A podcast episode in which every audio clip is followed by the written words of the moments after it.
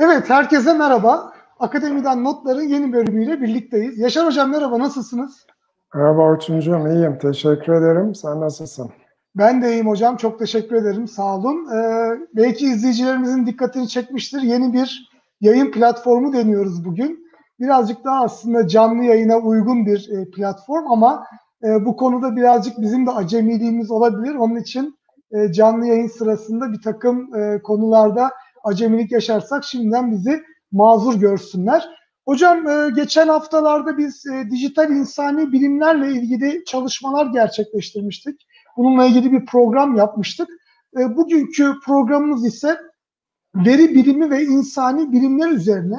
İnsani bilimleri birazcık daha geniş bir çerçevede inceleyeceğiz ama veri bilimini bugün birazcık daha odağımıza alacağız. Veri bilimi gerçekten hem son zamanların çok popüler konularından biri hem de veri bilimi alanında çalışan profesyonellerin aslında belki de çalışma alanları ve iş sahaları da çok arttı. Özellikle araştırma kurumlarında, e, üniversitede, akademide veri bilimiyle ilgili bir takım yeni birimler ve yeni kişiler istihdam edildiğini de biz görüyoruz. Zaten yurt dışında bu vardı ama bugün artık bunun iyice arttığını ve ülkemizde de olduğunu görüyoruz.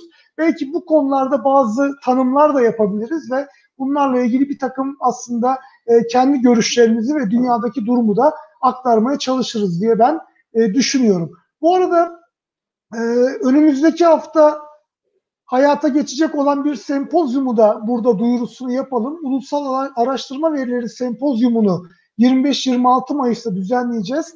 Açıkveri.org adresinden detaylı bilgilere erişilebilir ve aynı zamanda e, kayıt da yapılabilir. İki günlük bir çevrim içi ve ücretsiz düzenlenecek bir sempozyum olacak. Hocam sizin de e, çok güzel bir oturumunuz var. Onu da ben heyecanla bekliyorum. Yine internet üzerinden de canlı olarak yayınlanacak. Önümüzdeki hafta Hacettepe'de derslerin son günü. iki gün sempozyum var. E, yoğun bir hafta bizi bekliyor ama o haftaya girişten önce e, bugünkü çalışmalarımızı yapalım. Hocam nasıl bir giriş yapalım? Veri bilimi ve insani bilimlere önce tanımlarla mı girelim? Veri bilimine genel bir tanım yapıp insani bilimler içerisindeki yerini mi konuşalım? Buyurun hocam. Ee, veriyle ilgili e, düzenlemeyi yapan arkadaşlarımıza teşekkür ederiz. E, ben e, hazır bundan bahsedilmişken e, bir başka reklam gireyim. e, 26 e, aslında çakışıyor ama 26'sında bir de e, İFLA ile Göte Enstitüsü'nün birlikte düzenledikleri e, bir um, panel e, diyelim. E, e, bu o panelin konusu da açık erişim, infodemi ve e, kütüphaneler. E, saatini şu anda hatırlamıyorum ama yani e, değişik ülkelerden e, katılımcılar olacak. E, ben Deniz'de olacağım. Onu da duyurmuş olalım. Belki sosyal medyada e, bazı e, arkadaşlarımız, izleyicilerimiz zaten görmüşlerdir. Dolayısıyla dediğim gibi önümüzdeki hafta epeyce yoğun bir program var. Hem derslerin son haftası hem de iki günlük açık veri artı bu panel ilginç konular. Peki senin soruna gelelim.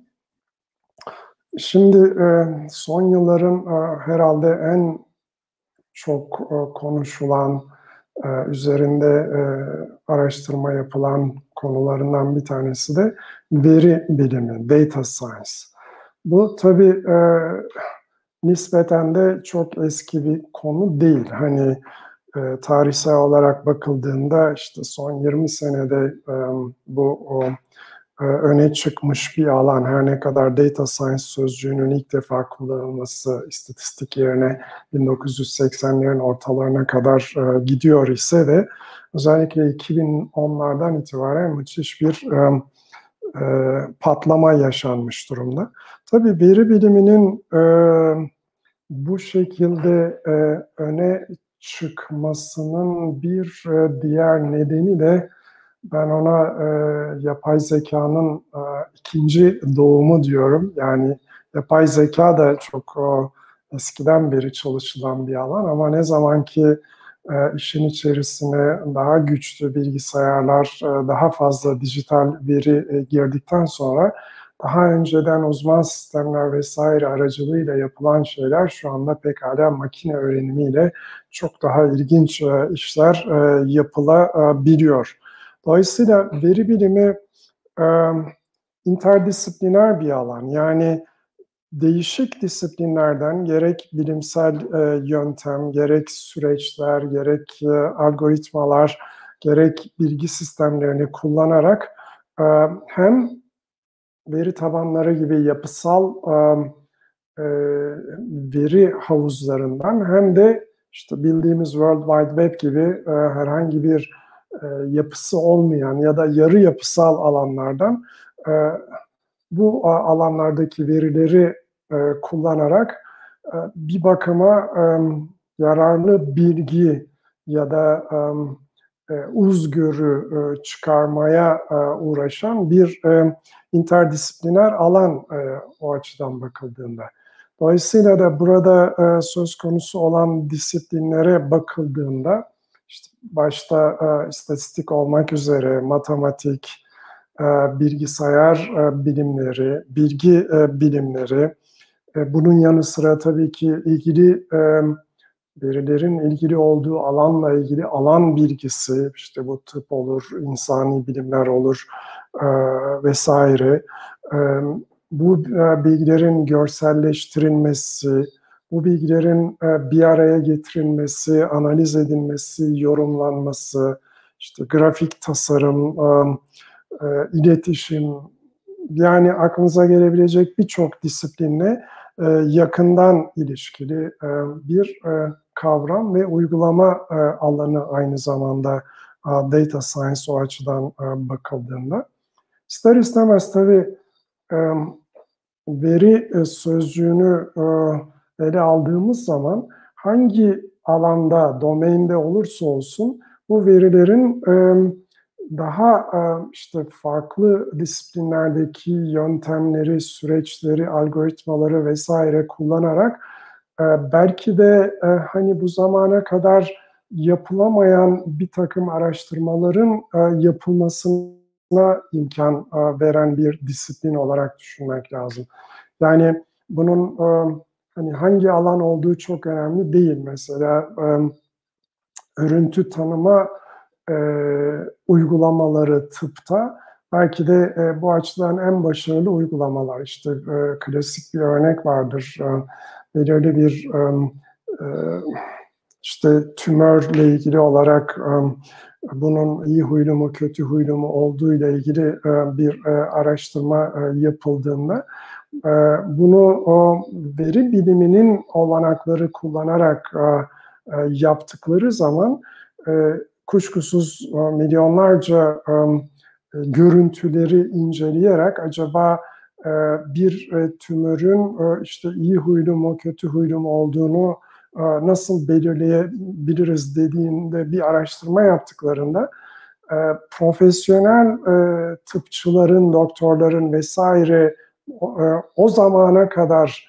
bir tümörün iyi huylu mu kötü huylu mu olduğu konusunda bulabildikleri ipucu sayısı 8 iken veri bilimi olanaklarıyla bu tür büyük veriler analiz edildiğinde o zamana kadar hiç bilinmeyen 3 kriterin daha aslında böyle bir hani kötü huylu tümörün tanımlanmasında kullanılabileceği ortaya çıkıyor. Bir düşündüğünüz zaman yani o zamana kadar bilinmeyen üç tane daha ortaya çıkıyor. Şimdi bu kuşkusuz e, veri biliminin sunduğu e, olanaklarla metin madenlemesi, e, veri madenlemesi, e, görüntülerin analizi e, gibi e, tekniklerin kullanılarak e, e, yeni e, çözüm yolları bulma, yeni hipotezler yaratma konusunda bir e, hani interdisipliner alan en azından başka bir programda da söz etmiştik. İşte yaklaşık 10 yıl önce Jim Gray diye bir vatandaş günümüzde artık bilimin verilerin manipülasyonu aracılığıyla yapılabileceğini söylemişti. Data Driven Science diye. Ve bunu dördüncü paradigma olarak adlandırmıştı bilim yapmakta. Diğer üç paradigma nedir diye düşünecek olursak bunlar işte çok eskiden ampirik verilere dayalı işte gözlem yapıyorsun vesaire falan. Daha sonra bir takım kuramlara dayalı olarak hipotezler geliştiriyorsun. Ondan sonra da bilişimsel üçüncü paradigma olarak yani büyük ölçüde bilgisayar gücü kullanarak bilim yapıyorsun ama son aşama, dördüncü paradigma diye adlandırılan aşama ise e, demin sözünü ettiğim bu data driven e, scientific research. Yani çok miktarda verilerin analizine dayalı olarak e, bir takım yeni bulgular elde edilmesi, yeni bilgiler elde edilmesi ve bunların yeni sorunları daha yaratıcı biçimde e, çözü, e, çözebilmek amacıyla kullanılması. Dolayısıyla da o açıdan günümüzde bilik, bilim yapmada da bu o, özellikle dijital ortamdaki bol miktarda veri paradigmatik bir değişikliğe yol açmış durumda.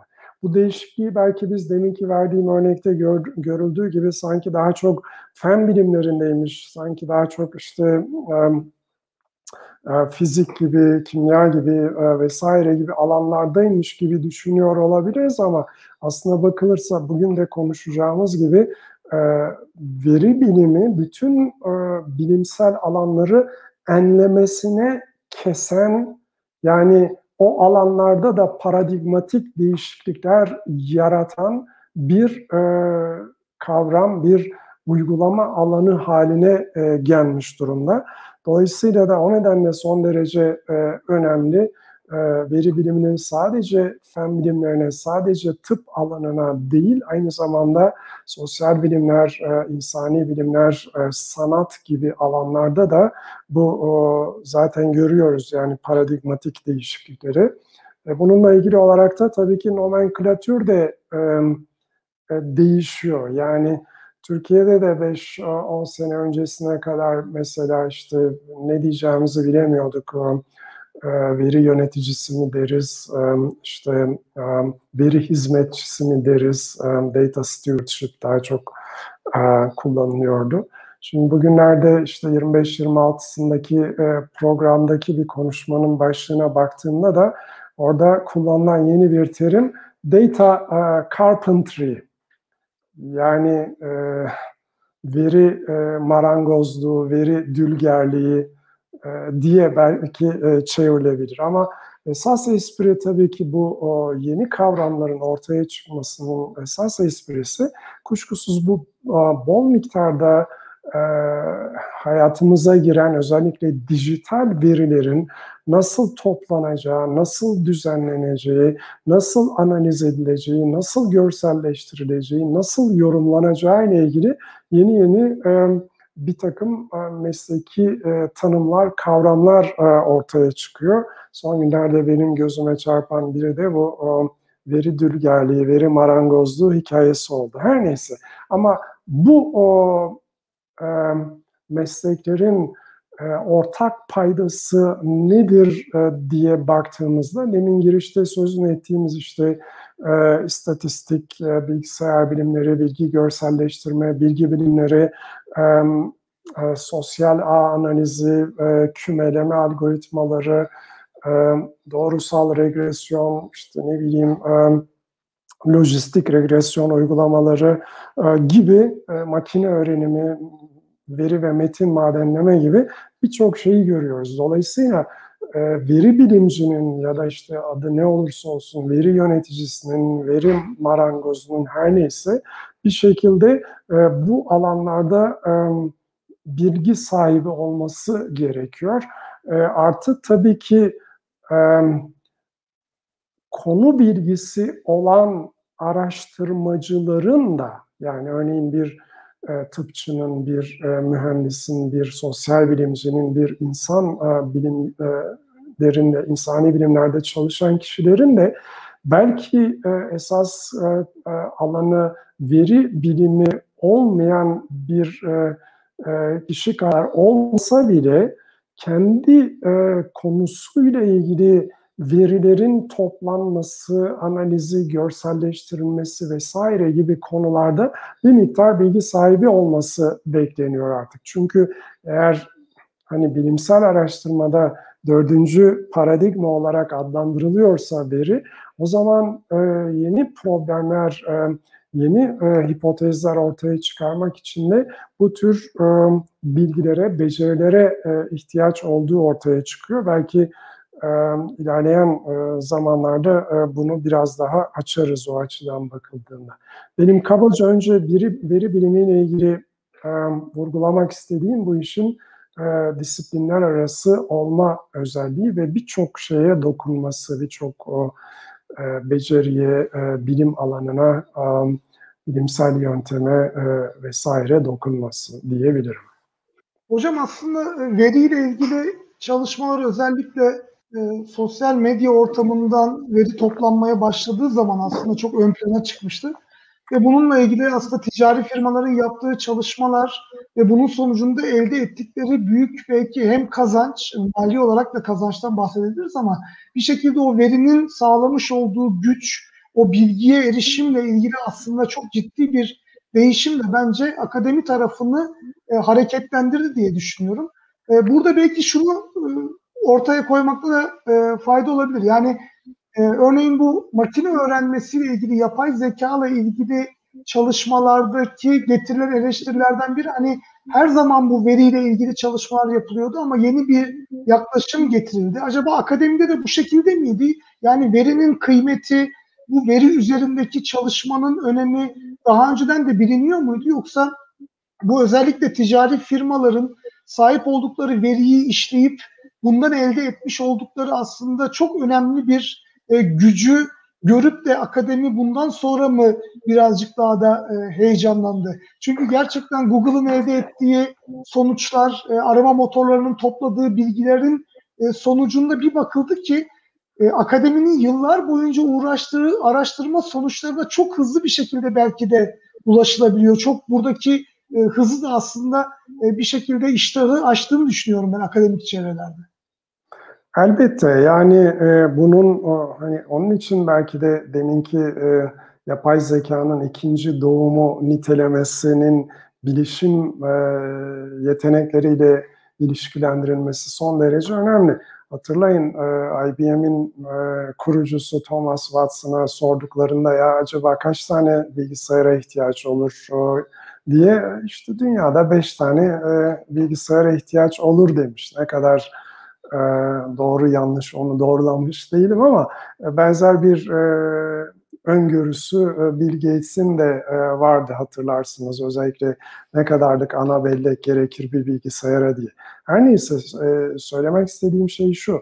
Bilimciler elbette verinin öneminin farkındaydı ama ne bu verileri yakalayabilecek, capture edebilecek ne de bunları analiz edebilecek bilişim gücü ya da altyapısı vardı o zamanlarda.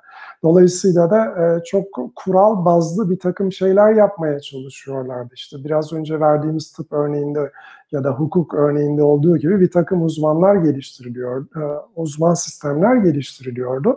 Ama her seferinde de adım adım şu olursa şu, şu olursa şu, şu olursa şu biçiminde önceden kuralların e, tanımlanması gerekiyordu. Ancak o kurallar çerçevesinde uzman sistemler şu şudur bu budur diyebiliyordu. Ama bilişim gücünün artmasıyla işte e, büyük verilerin çok daha hızlı e, farklı yöntemler kullanılarak analiz edilmesiyle birlikte artık önceden bütün bu kural tabanlı sistemleri kurduktan sonra işte bu tür çalışmalar yapmak yerine e, makine öğrenmesi teknikleri kullanarak ya işte al sana hiç e, içinde ne olduğunu çok iyi bilmediğiniz ama örneğin tıp konusunda ya da şu konuda bu, bu konuda vesaire bir şey sen git kendi başına örüntüleri e, ortaya çıkar. Yani işte bu o, makine öğreniminde denetimli ya da denetimsiz supervised machine learning e, non-supervised diye geçer. Dolayısıyla denetimli olanda önceden siz e, entelektüel bir şekilde diyelim ki e, makaleleri sınıflarsınız, edersiniz vesaire küçük bir kısmını. Ondan sonra da geri kalanını sen benim yaptıklarıma göre sen de git diğerlerini sınıfla dersiniz. Yani bu demin örneğini verdiğimiz e, şey içinde söz konusu. E, tıpta işte e, bir e, filmdeki kötü huylu o mu iyi huylu mu olduğunu tümörün belirleme konusunda.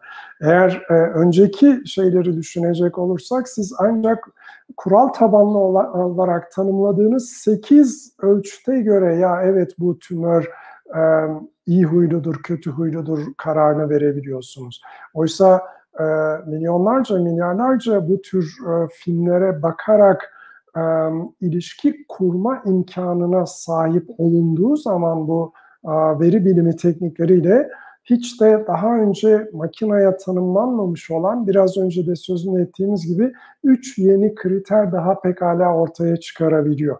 Dolayısıyla e, bu açıdan bakıldığında hani bilimciler elbette verinin öneminin farkındaydı ama e, bu verileri toplayacak, işleyecek gücü yoktu. Hala da yok bazı alanlarda. Yani e, hadron e, çarpıştırıcısının ürettiği veri miktarının ancak yüzde biri ikisi yakalanabiliyor. Düşünün yani onu bizim hani yakalasak bile depolayabilecek imkanımız yok. Bütün dünyadaki hard diski şunu bunu vesaire kullanmış olsak bile.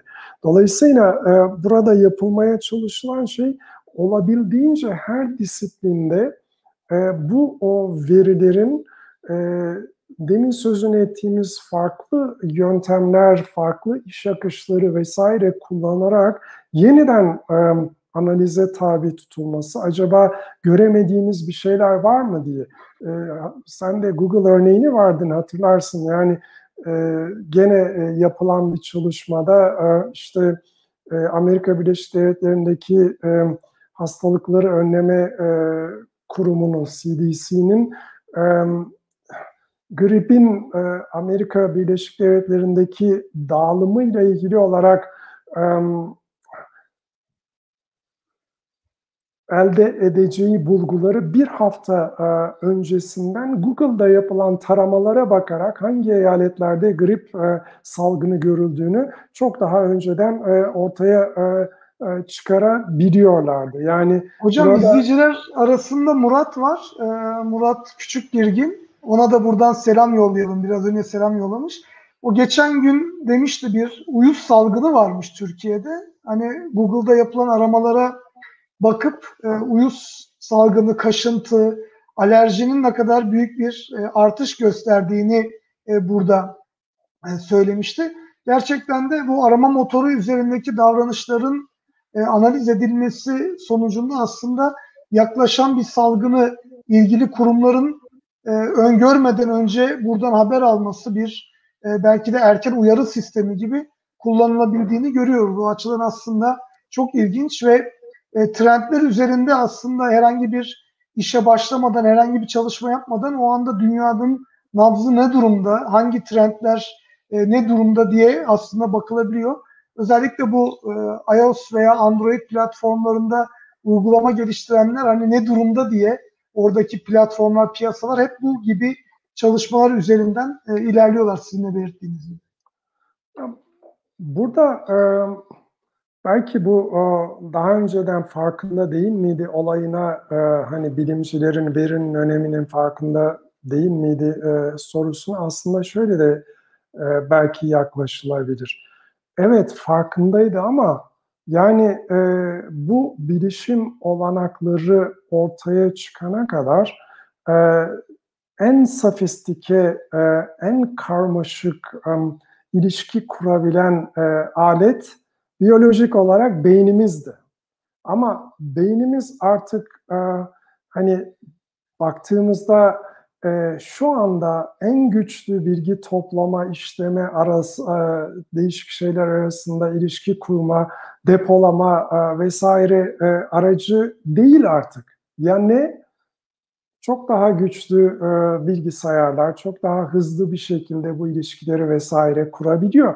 öyle olunca da e, hani e, her disiplinde sadece işte e, e, yüksek enerji fiziği değil, sadece e, tıbbi uygulamalar değil ama her alanda bu e, bilişim gücünü kullanarak, bu teknikleri kullanarak çok daha yeni ilişkiler keşfetme imkanı ortaya çıktı. Yani sadece tek bir araştırmacının ya da bir grup araştırmacının e, işte e, nöronlarının e, e etkileşimine dayalı olarak değil, işte, yani bir e, dizi bilgisayarın, süper bilgisayarların bu verilere farklı yönlerden bakarak e, yeni e, örüntüler, yeni bulgular ortaya çıkarması söz konusu oldu. Dolayısıyla da hani tabii ki bu daha önceki bilimcilere hani ne bileyim onların yaptıklarını küçük görmek vesaire anlamına değil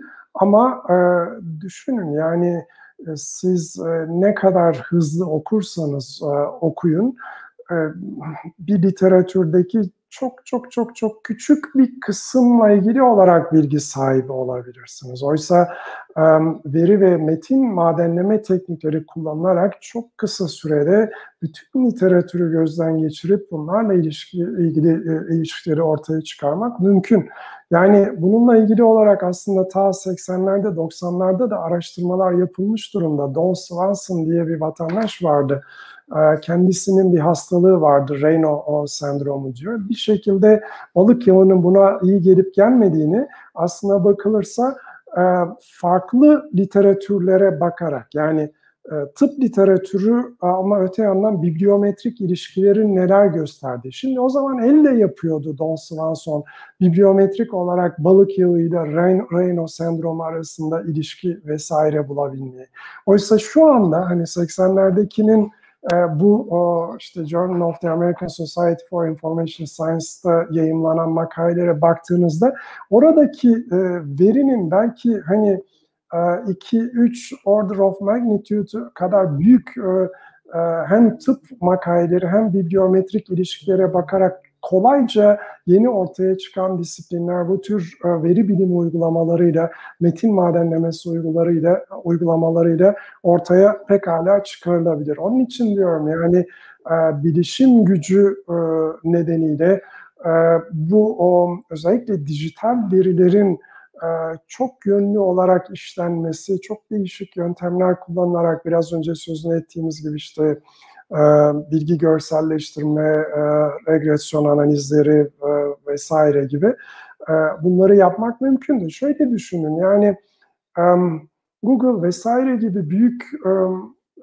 veri işlenen yerlerdeki diyelim ki işte griple, grip salgını ile ilgili olarak vesaire bir takım şeyleri bulmaya çalıştığınızda insanın bu ilişkileri görebilmesi mümkün değil. Çünkü e, Google'daki ne bileyim trilyonlarca URL arasındaki her farklı kelime arasındaki ilişkilere bakmak en azından insan beyniyle e, olabilecek bir şey değil bu. Çünkü milyara milyarlık bir matris üzerinde siz ilişki arayacaksınız. İnsan beyni bunu bulamaz ama e, bu tür e, karmaşık e, algoritmalar ve e, bilişim gücünün de e, e, katkısıyla pekala e, hiç daha önceden öngörülmemiş olan iki şey arasında ilişki kurma konusunda bize yardımcı e, olabiliyor. Bu açıdan büyük veri son derece önemli. Her alanda önemli ama şu anda öne çıkan daha çok sanki bu tür uygulamalar gibi gözüküyor. Hocam Necdet Yücel Hoca'nın söylediği e, konuyla ilgili de aslında tabii dikkatli olmak gerekiyor. Google'ın aramalarının tarafsız ve bütün halde yayınladığını varsaymak da tehlikeler barındırıyor diyor doğru. Ve aynı zamanda da bu manipüle edilebiliyor. E, sizde ben paylaştım hatırlayamıyorum ama e, vatandaşlardan bir tanesi yurt dışında e, bir e, çekecek arabanın içerisine e, işte 15-20 tane e, telefon yerleştiriyor. Ve bu telefonlar da Google Maps ile e, bağlantılı ve sanki orada bir trafik sıkışıklığı varmış gibi bir durum yaratıyor. Yani orada çok fazla sayıda kullanıcı var ve işte orada trafik sıkışıklığı var diye. Yani aslında bunun manipüle edilmesi de mümkün hale geliyor. Bu aslında basit örneklerden bir tanesi. Bunun gibi yapılan bir takım farklı deneyler de tabii söz konusu. Ama işte tabii ki burada sadece Google verileri vesaire üzerinden değil ama burada belki de ne seviyede bir çalışma yapılabileceğiyle ilgili güzel örnekler vermesi açısından bunlar önemli. Yani aslında ilham verici bir takım çalışmalar, bir takım araştırmaların belki altyapısını sunduğunu rahatlıkla söyleyebiliriz ama tabii körü körüne bu içeriklerin özellikle de belki de ticari firmaların sunmuş olduğu e, içerik ve altyapıların baz alınarak bir takım çalışmalar yapılması da tehlikeli. Bunlar manipüle edilebiliyor. Bunlarla ilgili örnekleri de gözlemleyebiliyoruz. Ee, Necdet Hoca'nın e, yorumuna e, kuşkusuz katılıyorum. Aslında zamanımız kalırsa belki de bunun üzerinde durmak lazım. Yani bunun üzerinde durmak lazım derken veri biliminin e, değişik domainlere, alanlara katkısının yanı sıra aynı zamanda insani bilimlerin de veri bilimine katkısını düşünmek zorundayız. Şimdi biraz önce sözünü ettiğimiz e, veri ve metin madenlemesiyle ilgili olarak işte e, verilerin ön yargısı olması vesaire konusunda hani iyi niyetle düşündüğümüz zaman aslına bakılırsa burada e, bu tür algoritmalar biz neysek onu ortaya çıkarıyor bir bakıma e, düşündüğünüz zaman. Yani e, çok bilinen örnektir işte e, hemşire e, dediğinde kadınla ilişkilendiriyor e, literatürde. Mühendis dediğinde erkekle ilişkilendiriyor. Bu konuda e, yapılmış epeyce araştırmalar var. E, e Peki niye öyle oluyor? E, niye öyle oluyor diye baktığınız zaman yani daha yeni yeni e, işte e, bu o, e, cinsiyet e, ile ilgili e, zamirlerin e, yarattığı e, ön yargılar konusunda bir bilinç oluşmaya başlanıyor. İşte e, oluşmaya başlandı. Ama geriye dönüp literatüre baktığı zaman her seferinde insanlığı nitelemek için hi sözcüğü kullanıldıysa, her seferinde literatürde hemşire dendiğinde bir şekilde cinsiyet olarak bu kadınlarla ilişkilendirildiğinde buradan giderek de bir çıkarım yapıyor. Yani eğer e, elinde e, daha farklı bir malzeme olsaydı, cinsiyetçi kullanımı olmasaydı o zaman buna göre bir sonuç çıkacaktı. Ama o dönemde böyle bir şey yoktu. Mesela şu anda da Almanca'daki e, en büyük e, şeylerden bir tanesi e, hani İngilizce'de he, she e, hikayesinin ikisini birlikte kullanıyorsun vesaire falan ama e, Almanca'da cinsiyetten e, bahsettiğin zaman bir şekilde e, erkek ve kadını birlikte söylemek zorundasın. İşte öğretmenler e, demek için erkek öğretmenler ve kadın öğretmenler demek zorundasın. Onun demek için de e, işte Lehrer and Lehrerinnen demen lazım. Şimdi bu çok uzun oluyor diye Almanya'da şu anda bir e, akım demeyeyim ama yazılarda da görüyorsunuz. Lehrer dedikten sonra bir yıldız konuyor oraya. Arkasından da inen. Yani e, Lehrer und Lehrerinnen demek yerine tek kelime indirmiş oluyor.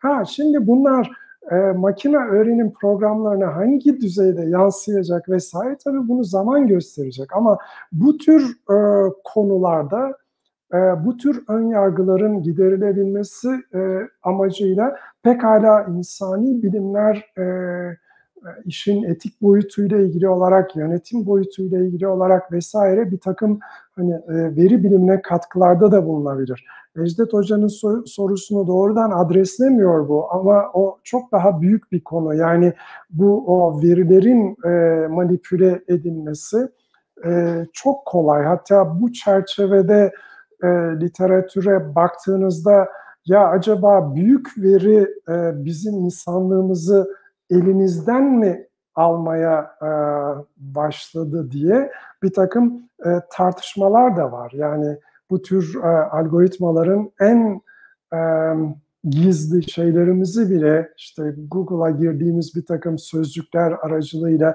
kendimize bile e, e, ne bileyim e, söyleyemediğimiz şeyleri oradan e, pekala buluyor. İşte bunun örneklerini gördük Cambridge Analytica olayında, e, diğer olaylarda vesaire. Dolayısıyla da işin yönü kuşkusuz son derece öne çıkıyor ve son derece de haklı öne çıkarılmasında.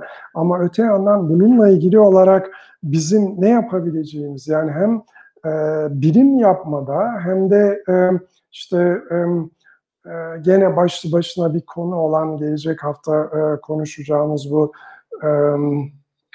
yalan haber vesaire hikayelerini kuşkusuz bunlarla ilgili de en büyük silahımız veri bilimi oluyor. Bunu da o arada söylemekte yarar var. Yani elbette bu algoritmalar giderek e, şey yapıyor ama aynı zamanda bu tür yalan haberleri vesaire bulma konusunda da gene e, bu algoritmalar e, imdadımıza e, yetişiyor diyebiliriz e, o açıdan bakıldığında.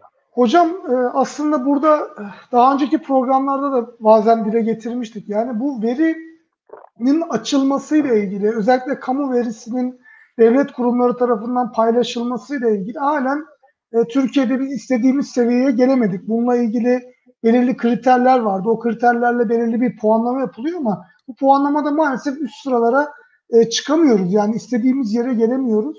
Aynı zamanda da burada bir takım doğrulamayla ilgili çalışmaları gerçekleştirmek de mümkün olmuyor. Siz de takip etmişsinizdir. TÜİ'nin enflasyon verileriyle ilgili e, farklı bir araştırma yapan akademisyenlere bir soruşturma açıldı. TÜİ'yi itibarsızlaştırdıklarını söyledikleri için. E şimdi burada hem biz veriye ulaşma konusunda sıkıntı yaşıyoruz hem akademik dünyada bu verilerle ilgili çalışmalar yapıldığı zaman e, kurum itibarsızlaştırılıyor diyerek bir soruşturma açılıyor. Yani araştırma yapanın hem araştırmasına ket vuruluyor hem de bu konuda manipülasyon yaptığını genel olarak toplumun büyük kesimleri tarafından kabul edilmiş bir kurumla ilgili de ciddi bir sıkıntı ortaya çıkıyor ve bunu aslında iyi bir şeymiş gibi hani tarihinde ilk defa böyle bir şey oldu diyerek hani bir soruşturma açılmasını da haklı görüyor ilgili bakanlar. Aslında bu da çok e, üzücü. Hani farklı kanallardan bunun doğrulanması ve bu buradaki veriler üzerinde çalışma yapılması gerekirken tam tersine bir durum söz konusu oluyor. Yani Türkiye İstatistik Kurumu'nun verileriyle ilgili siz bir çalışma yapamayacaksınız. Türkiye İstatistik Kurumu'nun vardığı sonuçlar haricinde bir sonuca vardığınız zaman o kurumu itibarsızlaştırmış olacaksınız noktasına geliyoruz. Bence çok kötü bir durum. Yani örneğin YÖK bir araştırma yapıyor.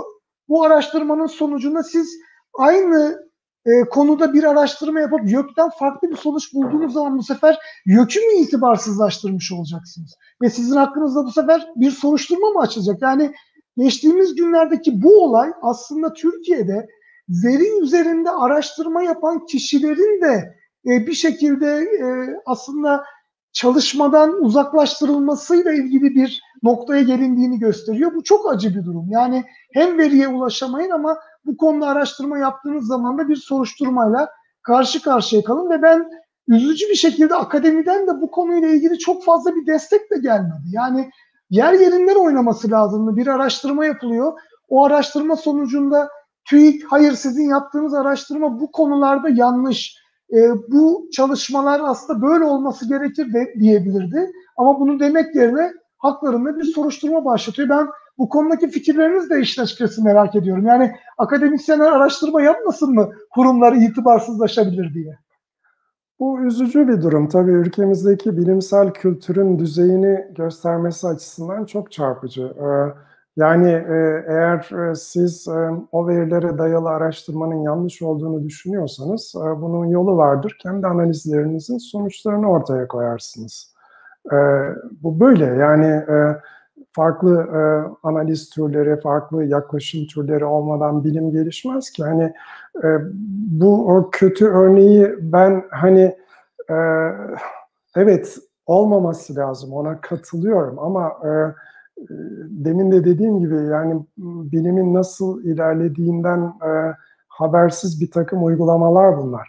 E, veri olmadan e, bir şekilde araştırma yapılmaz, bilim yapılmaz. Dolayısıyla siz e, bu tür ham verileri sağladığınız zaman pekala bir sürü yeni şeyler ortaya çıkıyor. Hani TÜİK e, verilerine güvenilmediği için işte bir grup insan bir araya gelip ve enflasyon oranlarını kendilerine göre e, hesaplıyorlar e, ve e, görüyoruz ki daha sonradan ortaya çıkıyor.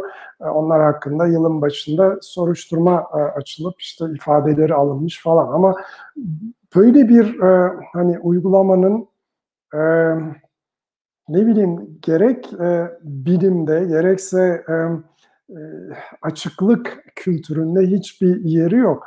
Ne oluyor sonuçta? E, bir başka şekilde bunun böyle olduğu ispat edilebiliyor. Yani benzer bir kuşku um, e, COVID-19'a bağlı ölümlerle ilgili olarak da um, gündeme getirildi. MEF Üniversitesi Ekonomi e, Bölümü Başkanı adını yanlış söyleyebilirim şimdi ama yaklaşık 3-4 hafta önce CAMA'da bir e, makalesi yayınlandı. Bizde de haber oldu. Daha sonra ben baktığımda e, bir tıp dergisinde de benzeri bir makale yayınlamış. Her neyse e, yaptığı şey şu. E, 9 e, şehirdeki ölüm verilerine bakarak ve e, nüfus artışıyla ilişkilendirerek bunu 81 ile uyarladığında Nisan ayı itibariyle ki o zamanlar 30 bin civarındaydı COVID-19'dan ölen kişi sayısı bunun 89 bin aslında 89 bin olduğunu ortaya çıkarıyor ve çok ciddi dergilerde yayınlanmış makaleler hem tıp dergisi olarak ciddi dergi hem de daha sonra daha genel olan aslında o da tıp dergisi CAMA'da e, yayınlanan da aynı şekilde. E, ne oldu şimdi? Yani kalkıp da e, diyelim ki bu kişiye soruşturma açmış olman e, gerçeği değiştirmeyecek ki. O zaman diyeceksin ki yok ya hayır yani sen farklı sınıflamışsın belki ondandır ya da işte her neyse. Her neyse yani e, bunun gerçekten de e, bir şekilde bilim yapmayla, bilimsel kültürle, e, bir ilişkisi yok. Hani kötü örnek e, örnek olamaz diye de e, bir söz var.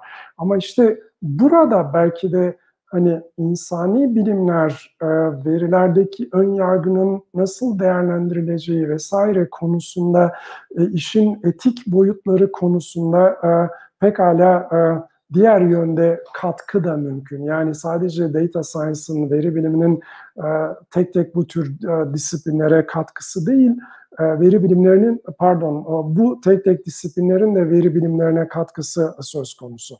O açıdan da yani süremiz herhalde azalıyor ama bir miktarda geçen hafta söz etmiştik ne tür şeyler olabiliyor. Bir miktarda belki de e, veri bilimi teknikleri vesaire aracılığıyla insani bilimlerde yapılan bir takım çalışmalardan e, söz edebiliriz, örnek verebiliriz. Hocam siz uzun yıllardır aslında veri bilimiyle ilgili yani veriyi temel alan ve üzerinde bir takım farklı uygulamaların geliştirebileceği özellikle yüksek lisans seviyesinde veya doktora seviyesinde programların olmasını da arzuluyordunuz. Aslında bizim bir tane tesis yüksek lisans programımız var bilgi araştırmaları diye.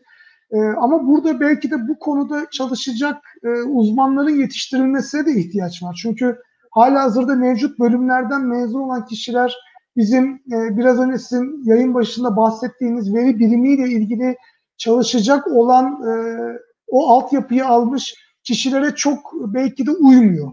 Yani bugün işte bilgisayar mühendisliği olsun, diğer mühendislik veya bizim gibi işte bilgi bilimi üzerine çalışan e, alanlar aslında bu veri bilimiyle ilgili gerekli altyapıyı fazla veremiyor. Program açısından belki de bir takım yeniliklere ihtiyaç var.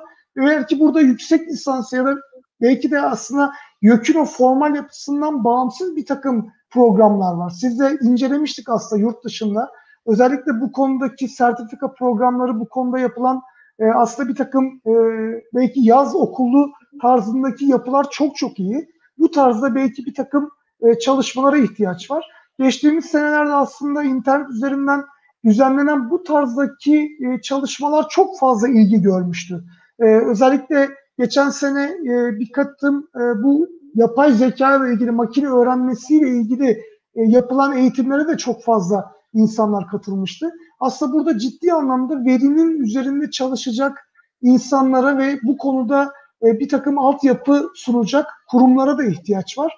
Ama akademi içerisinde belki bu konular çok fazla irdelenmiyor maalesef veya bu konularda ders verecek olan öğretim üyesi sayısı çok fazla yok. Onun için bu programlar özellikle devlet üniversitelerinde çok hızlı hayata geçmiyor. Birkaç vakıf üniversitesinde benzeri çalışmalar var ama bunlarla ilgili çok ciddi anlamda aslında bir ihtiyaç var. Bu ihtiyacı kapatmak için e, YÖK'ün bir takım programları vardı. Hatta Hacettepe Üniversitesi'nde de bilgisayar mühendisliği altında bir yapılanma var ama e, bu herhalde yeterli değil. Yani Türkiye'nin bu açığı kapatabilecek bir eğitim programı maalesef yok. Siz çok istiyordunuz hocam böyle bir çalışmayı hayata geçirmek de mevcut iş yüküyle öyle değil mi? Mevcut bölümlerin bunun altından kalkması çok kolay değil.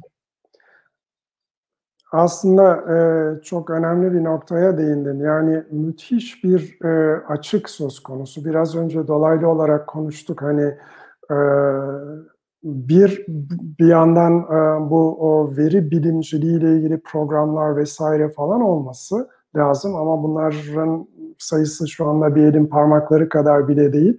Ama öte yandan da e, bilimcilerin e, veri okur yazarlığını, biraz önce sözünü ettiğimiz bu e, veri dülgerliği, veri marangozluk tekniklerini vesaire e, öğretilmesi lazım.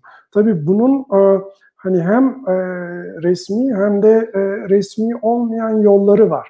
Resmi yol e, maalesef hani şu anda senin de değindiğin gibi e, YÖK e, bu o interdisiplinerlik olayına e, yabancıların deyişiyle dudak servisi e, ödüyor.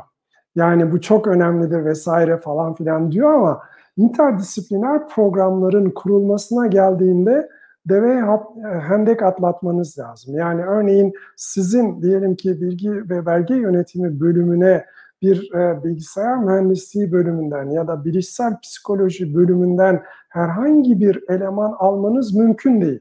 Neden mümkün değil? O kişinin en azından bir derecesi bizim bölümden olması lazım. E, şimdi öyle olunca sen e, bilimsel disiplinleri tamamen birbirini dışlayan yapıda bir e, e, yaklaşımla ele alıyorsun demektir. Yani böyle olduğu zaman da e, interdisiplinerlik olmaz. Yani bilgisayar bilimcisi kendi işini yapar, bilgi bilimcisi kendi işini yapar, bilişsel psikolog kendi işini yapar. Ama bir araya e, gelip e, ortaklaşa bir şeyler ortaya çıkarmak için gerekli olan yapının kurulmasına bu ister eğitim programları düzenlemek açısından olsun, ister ortak projeler geliştirme açısından olsun buna imkan e, sağlayan bir e, yapı kurmak mümkün değilse o zaman interdisipliner araştırma da yapmak mümkün e, olamıyor pek fazla. Ben hatırlıyorum bizim çarşamba konferansları ilk düzenlendiği zaman ilk konuşmacılarımızdan biri e, e, tıp fakültesinden Nurten Akarsu hocamızdı ki kendisi e, gen verilerine e, dayanarak o zamanlar en azından 8-10 hastalığın şeyini bulmuştu. Ama elinin altında kullanabileceği hani e, istatistik, bilgisayar vesaireyle ilgilenen bu konuda bilgisi olan kimse yok. Sadece bir e, e, istatistikçiyle çalıştığını söylemişti. Hatta ben de e,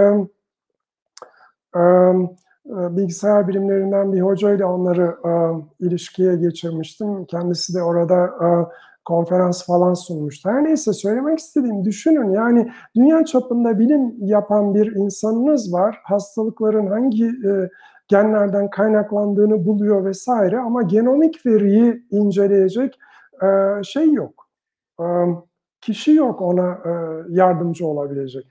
Bunu söylüyorum yani birbirinden tamamen ayrı, e, mutually exclusive e, görünürse disiplinler o zaman bizim e, hani bu büyük verilere dayalı olarak interdisipliner, disiplinler üstü araştırmalar yapabilmemiz de son derece zorlaşıyor.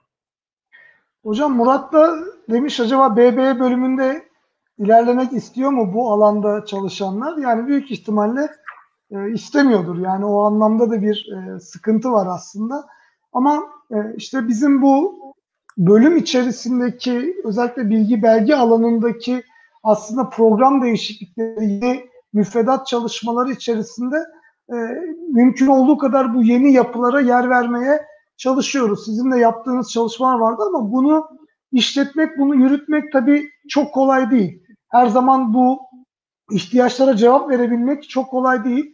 Yurt dışında e, sizin de yakından takip ettiğiniz iSchool dediğimiz bizim yani Information School olarak yapılan e, çalışmalarda değil mi bir fakülte gibi e, bu çalışmaların hepsine bir şemsiye olabilecek bir yapılanmaya gidiyorlar ve multidisipliner bir alan burada oluşuyor.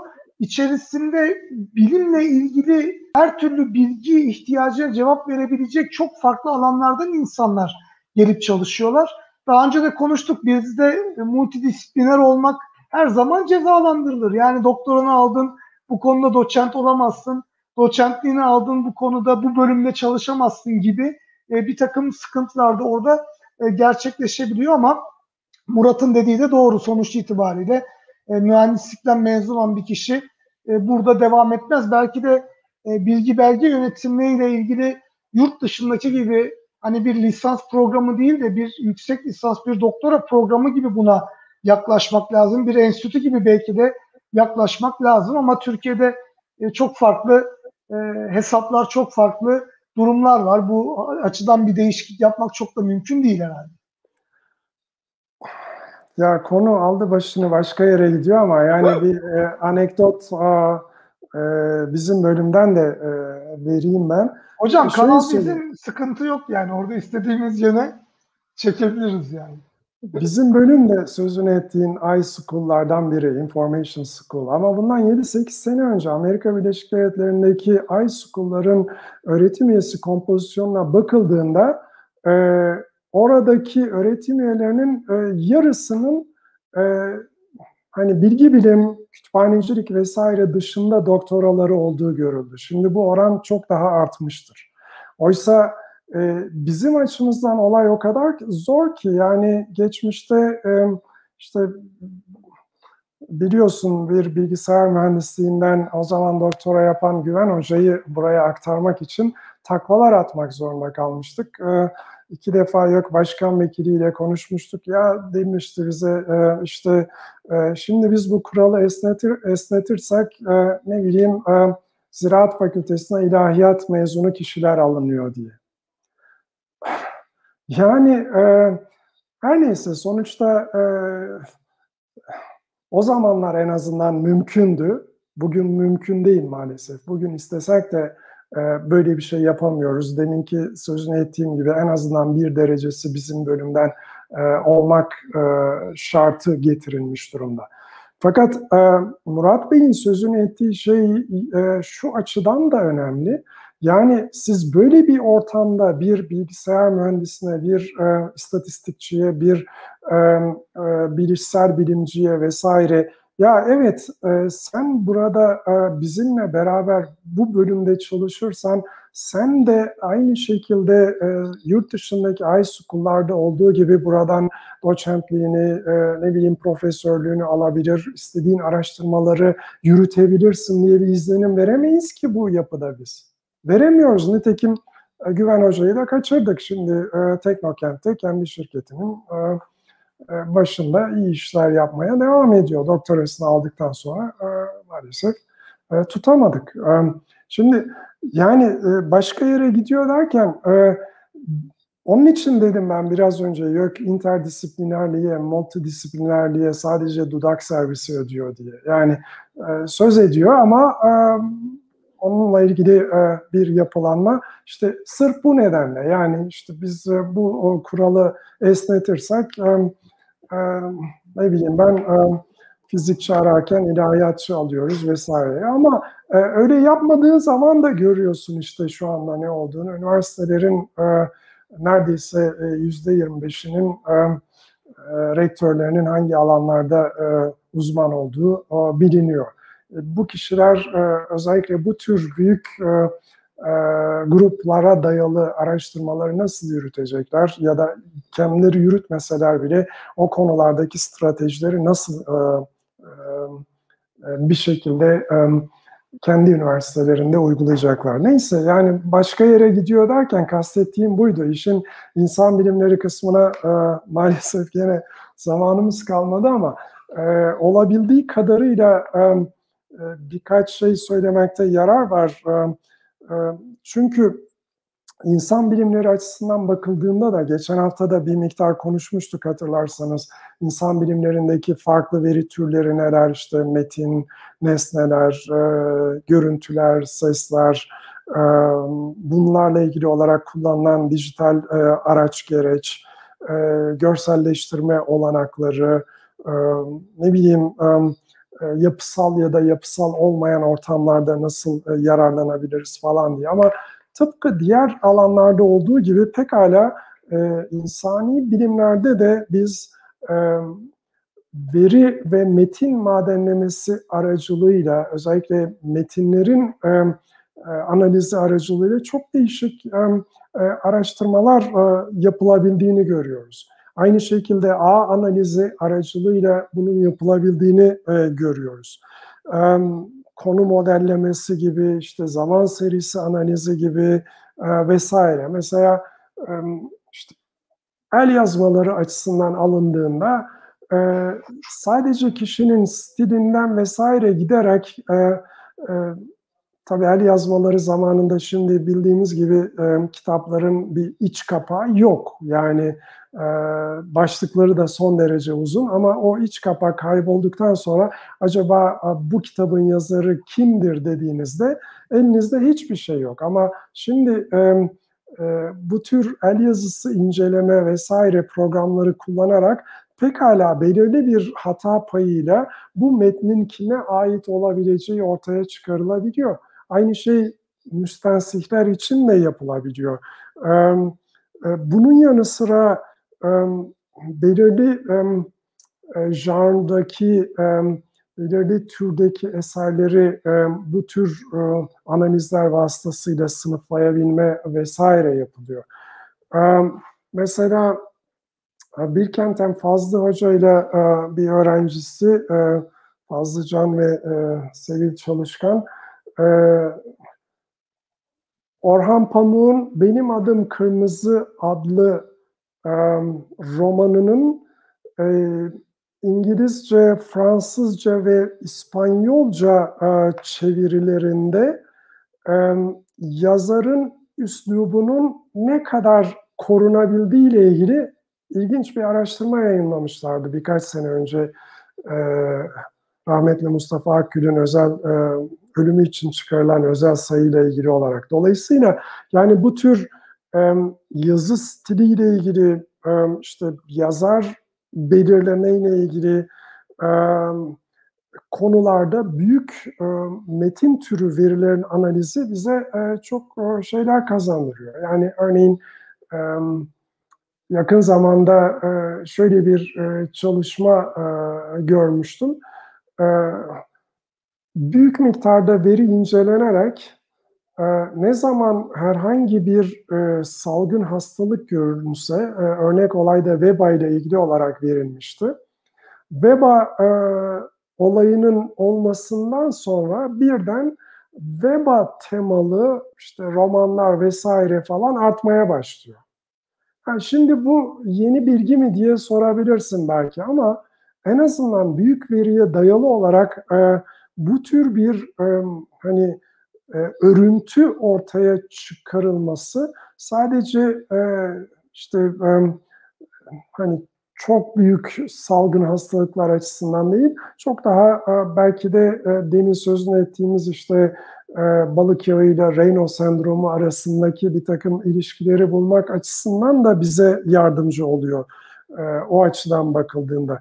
Dolayısıyla e, bu tür e, insan bilimleri uygulamalarının e, giderek artabilmesi için de bizim bu işi çift taraflı düşünmemiz gerekiyor. Yani e, aynı zamanda insan bilimleri veri bilimi için ne yapabilir sorusunu da e, adreslememiz gerekiyor. Gerek yöntem açısından, gerek işte epistemik kültür açısından, gerek e, bilimsel araştırma teknikleri açısından gerekse insan bilimlerde yapılan araştırmaların yeniden üretilebilirliği, reproducibility açısından bunu yapmamız gerekiyor. Ama bunu yapabilmek için de insan bilimleri ile uğraşan kişiler için bizim destek yapıları geliştirmemiz gerekiyor. Teknik altyapılar, işte bunlarla ilgili fon bulma, biraz önce Murat Bey'in değindiği gibi e, bu tür e, konularda yapılan ortak araştırmalarda bunların nasıl değerlendirileceği ile ilgili olarak vesaire. Yani demin sözünü ettiğim bu birbirini tamamen dışlayan interdisipliner yaklaşımlar nedeniyle bir insan bilimci şimdi kalkıp da diyelim ki e, tıbbi verilerle ilgili bir araştırma yapsa bizim değerlendirme sistemimiz bunu nereye koyacağını bilmiyor. Yani ya bir dakika sen e, işte insan bilimcisin ya da sosyal bilimcisin. Dolayısıyla hani bundan şu kadar puan e, sana vermeyiz de daha az veririz gibi bir takım garip e, şeyler ortaya çıkıyor.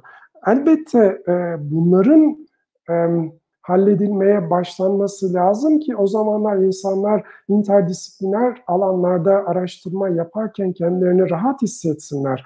Ben hangi alandan doçentliğe gireceğim dediğinde e, burada bir sıkıntı çıkmasın ama bunlar şu anda çok rigid Türkiye'de maalesef. Dolayısıyla da e, bu tür e, veri bilimi ve insani bilimler ara kesitinde çalışacak olan bilimcilerin, araştırmacıların halletmesi gereken, başa çıkması gereken o kadar çok bürokratik şey var ki zamanımız yok.